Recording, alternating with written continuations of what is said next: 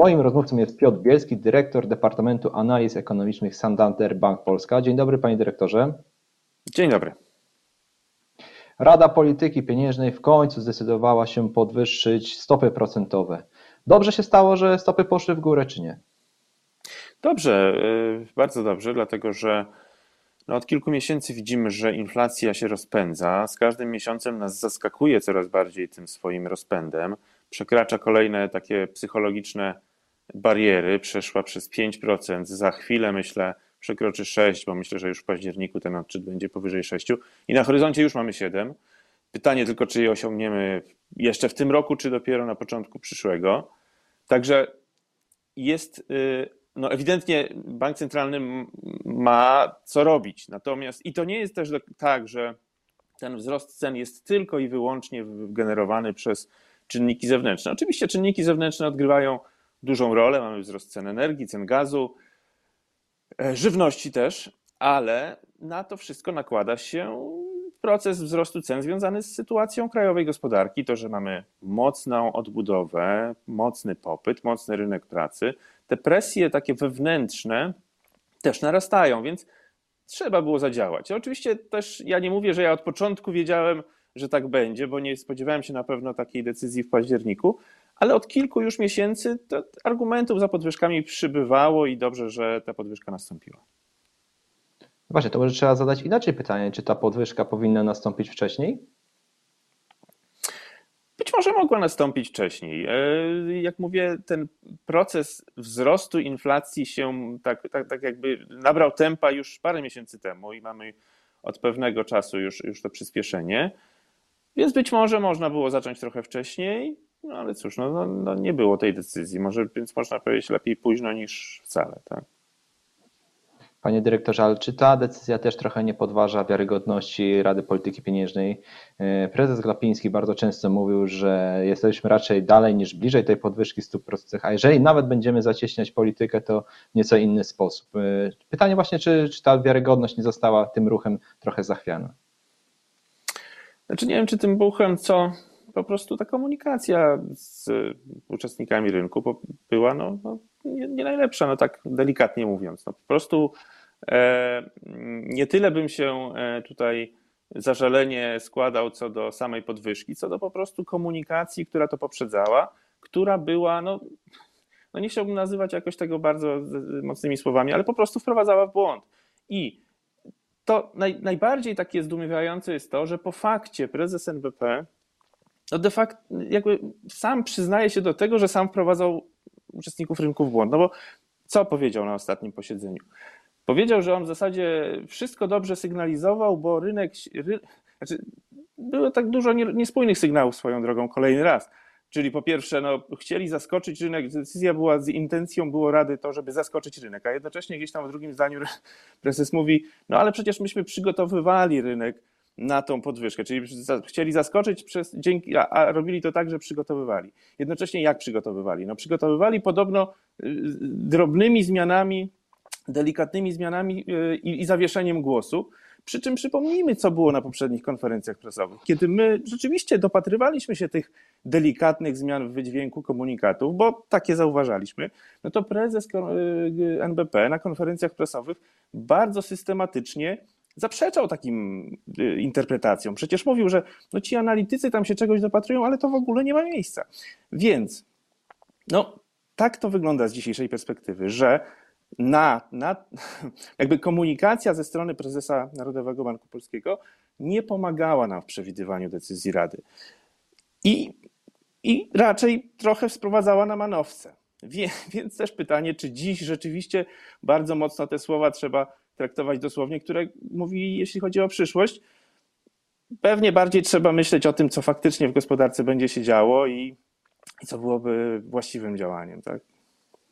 No właśnie, słusznie Pan zauważył, że ta komunikacja w zasadzie niewiele się zmienia i po ostatnim posiedzeniu i po ostatnim wystąpieniu prezesa Glapińskiego ciężko powiedzieć, czy ruch z października był ruchem jednorazowym, czy po, początkiem cyklu.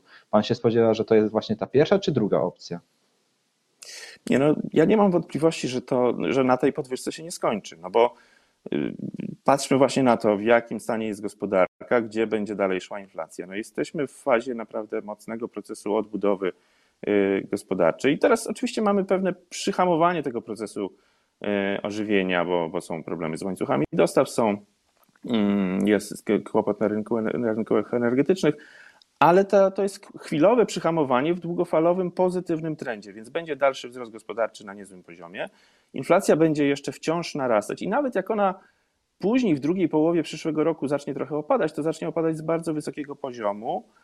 W efekcie przez no przynajmniej kilka lat będzie grubo powyżej celu inflacyjnego, więc nie skończy się na 40-punktowej podwyżce stóp. Trzeba będzie podwyższyć stopy bardziej, żeby, żeby jakikolwiek to miało wpływ na przyhamowanie tych trendów, czy trendów, czy ogólnie oczekiwań inflacyjnych, żeby zapobiegło tym ewentualnym efektom drugiej rundy sprzężenia zwrotnego, trzeba będzie dalej podwyższać stopy. Natomiast właśnie co do tego, czy to będzie taka seria bam, bam, bam, krok po kroku, trochę jak, jak na przykład robią nasi sąsiedzi Czesi czy Węgrzy, czy raczej to będą takie decyzje bardziej rozłożone w czasie, no to to jest właśnie kluczowe pytanie w tym momencie. I ja bym powiedział tak, znaczy ja na dziś zakładam, że to nie będzie taki czar, ani czarny, ani biały scenariusz, że będziemy gdzieś po środku. Znaczy z jednej strony nie wykluczam, że w listopadzie będzie po raz kolejny podwyżka stóp, bo, bo po prostu pojawią się nowe czynniki, które jeśli wytrąciły te, jeśli, ostatnie dane wytrąciły Radę Polityki Pieniężnej ze strefy komfortu, to teraz pojawi się jeszcze trochę więcej takich czynników, które mogą bardziej ten, ten, ten spokój zmącić. To znaczy, jak mówię, inflacja październikowa przekroczy 6%, niewykluczone, że znacznie przekroczy 6%. Nasza dzisiejszy szacunek jest, taki obecny szacunek to jest około 6,2, ale niewykluczone, że to będzie jeszcze więcej. No jeszcze zobaczymy po drodze, jakie mamy takie dane o wysokiej częstotliwości dotyczące cen paliw, ceny żywności. Możliwe, że to będzie nawet więcej niż 6,2 w październiku, więc inflacja po raz kolejny będzie mocnym zaskoczeniem w górę. A przypomnijmy, że znów, jeśli chcemy w ogóle odwoływać się do słów prezesa NBP, że on sugerował, że jego zdaniem do końca roku może gdzieś tam też do, do, dotrze inflacja do 6%, no tymczasem już w październiku będzie grubo powyżej 6%. Więc po pierwsze to może być niespodzianka kolejna i te 7% znów zama, zama, pojawi się na horyzoncie jako już realna perspektywa. No będzie nowa projekcja inflacji. No wiele razy Rada Polityki Pieniężnej zwracała na to uwagę, że to będzie ważny dokument i to, że podwyższyła stopy, to, to nie zmienia tego, że to będzie ważny dokument. Nie tylko dlatego, że on powie nam, co będzie z inflacją za, za dzisiaj czy za, za, za, dwa miesiące, tylko o, o, powie nam więcej o tym, co może być z inflacją w roku 2023. To będzie ważne, bo, bo to, że, ona, że inflacja wybije w górę i później zacznie schodzić trochę w dół, to wiemy w perspektywie kilku miesięcy. Bardziej ważne już w tej chwili jest to, co będzie się działo z inflacją w dalszej perspektywie, w 2023 roku. Czy ona znów będzie, cały czas będzie grubo powyżej celu? Może tak inflacja, projekcja inflacji może to pokazać. I to będzie drugi argument. A trzeci, myślę, no zobaczymy jak, jak będzie z tym trzecim, ale myślę, że też może być istotny y, kurs złotego, bo dziś mamy mm, złotego, który powiedzmy, że jest mniej więcej na podobnym poziomie, co był przed podwyżką stóp zaskakującą dla rynków. Czyli teoretycznie ta podwyżka mogła złotego moc, bardzo, no początkowo zresztą umocniła złotego, tylko później pojawił się nowy czynnik, Trybunał Konstytucyjny i jego orzeczenie, które złotego osłabiło. I teraz tą, ten, ten wpływ podwyżki Rady myślę, że już mamy zdyskontowany. Rad, co więcej, jakby zdyskontowany tak bardzo agresywnie, bo rynki bardzo mocno wyceniają dalsze strome podwyżki stóp.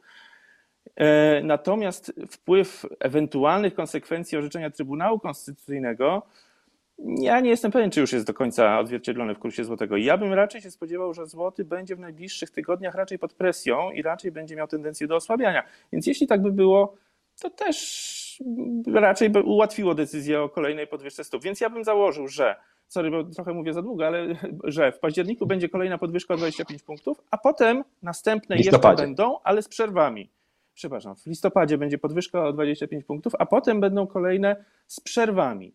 E, co dwa, co, co, co dwa, trzy miesiące po 25 punktów i dojdziemy na, do poziomu 1,5, tego przedpandemi, przedpandemicznego poziomu stóp procentowych dotrzemy gdzieś tam w, w drugiej połowie roku. Wspomniał Pan o złotym, ale to też nie jest tak, że Radzie Polityki Pieniężnej zależy na tym, żeby ten złoty był relatywnie słaby. Widzieliśmy to chociażby w końcówce ubiegłego roku, gdzie Rada Polityki Pieniężnej, gdzie właściwie Narodowy Bank Centralny po prostu interweniował y, na rynku walutowym, osłabiając złotego. Tak, tylko oczywiście i w pewnym zakresie y, myślę, że bank centralny jest usatysfakcjonowany z tego, że złoty nie jest mocny, tylko względnie słaby.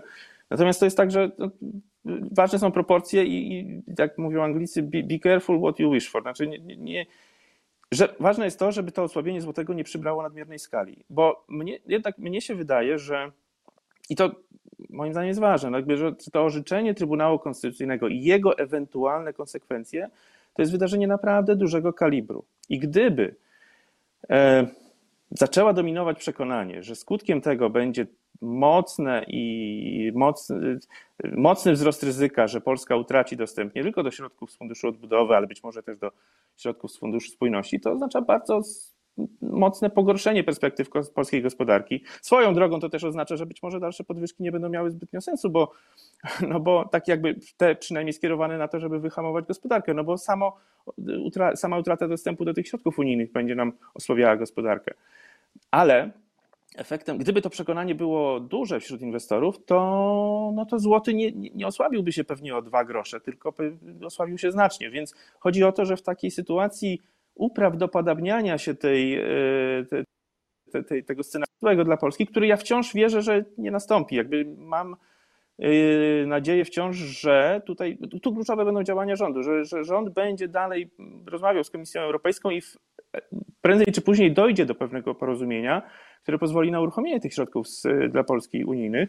Natomiast Będą po drodze różne wydarzenia, chociażby na przykład orzeczenie Trybunału Europejskiego w sprawie mm, kar za, za dotychczasowe nierealizowanie jego postanowień. I te wydarzenia mogą być takimi e, uruchamiaczami e, osłabienia złotego, który już jest no, no, jakby pod pewną presją, a jednocześnie też to dzieje się w sytuacji, gdy na świecie ogólnie waluty rynków wschodzących no, są raczej w trendzie osłabiania, no bo mamy przygotowanie inwestorów światowych na, na, na wycofywanie się przez Fed z takiej akomodacyjnej polityki. Więc to się dzieje też w warunkach takich, które globalnie nie są sprzyjające.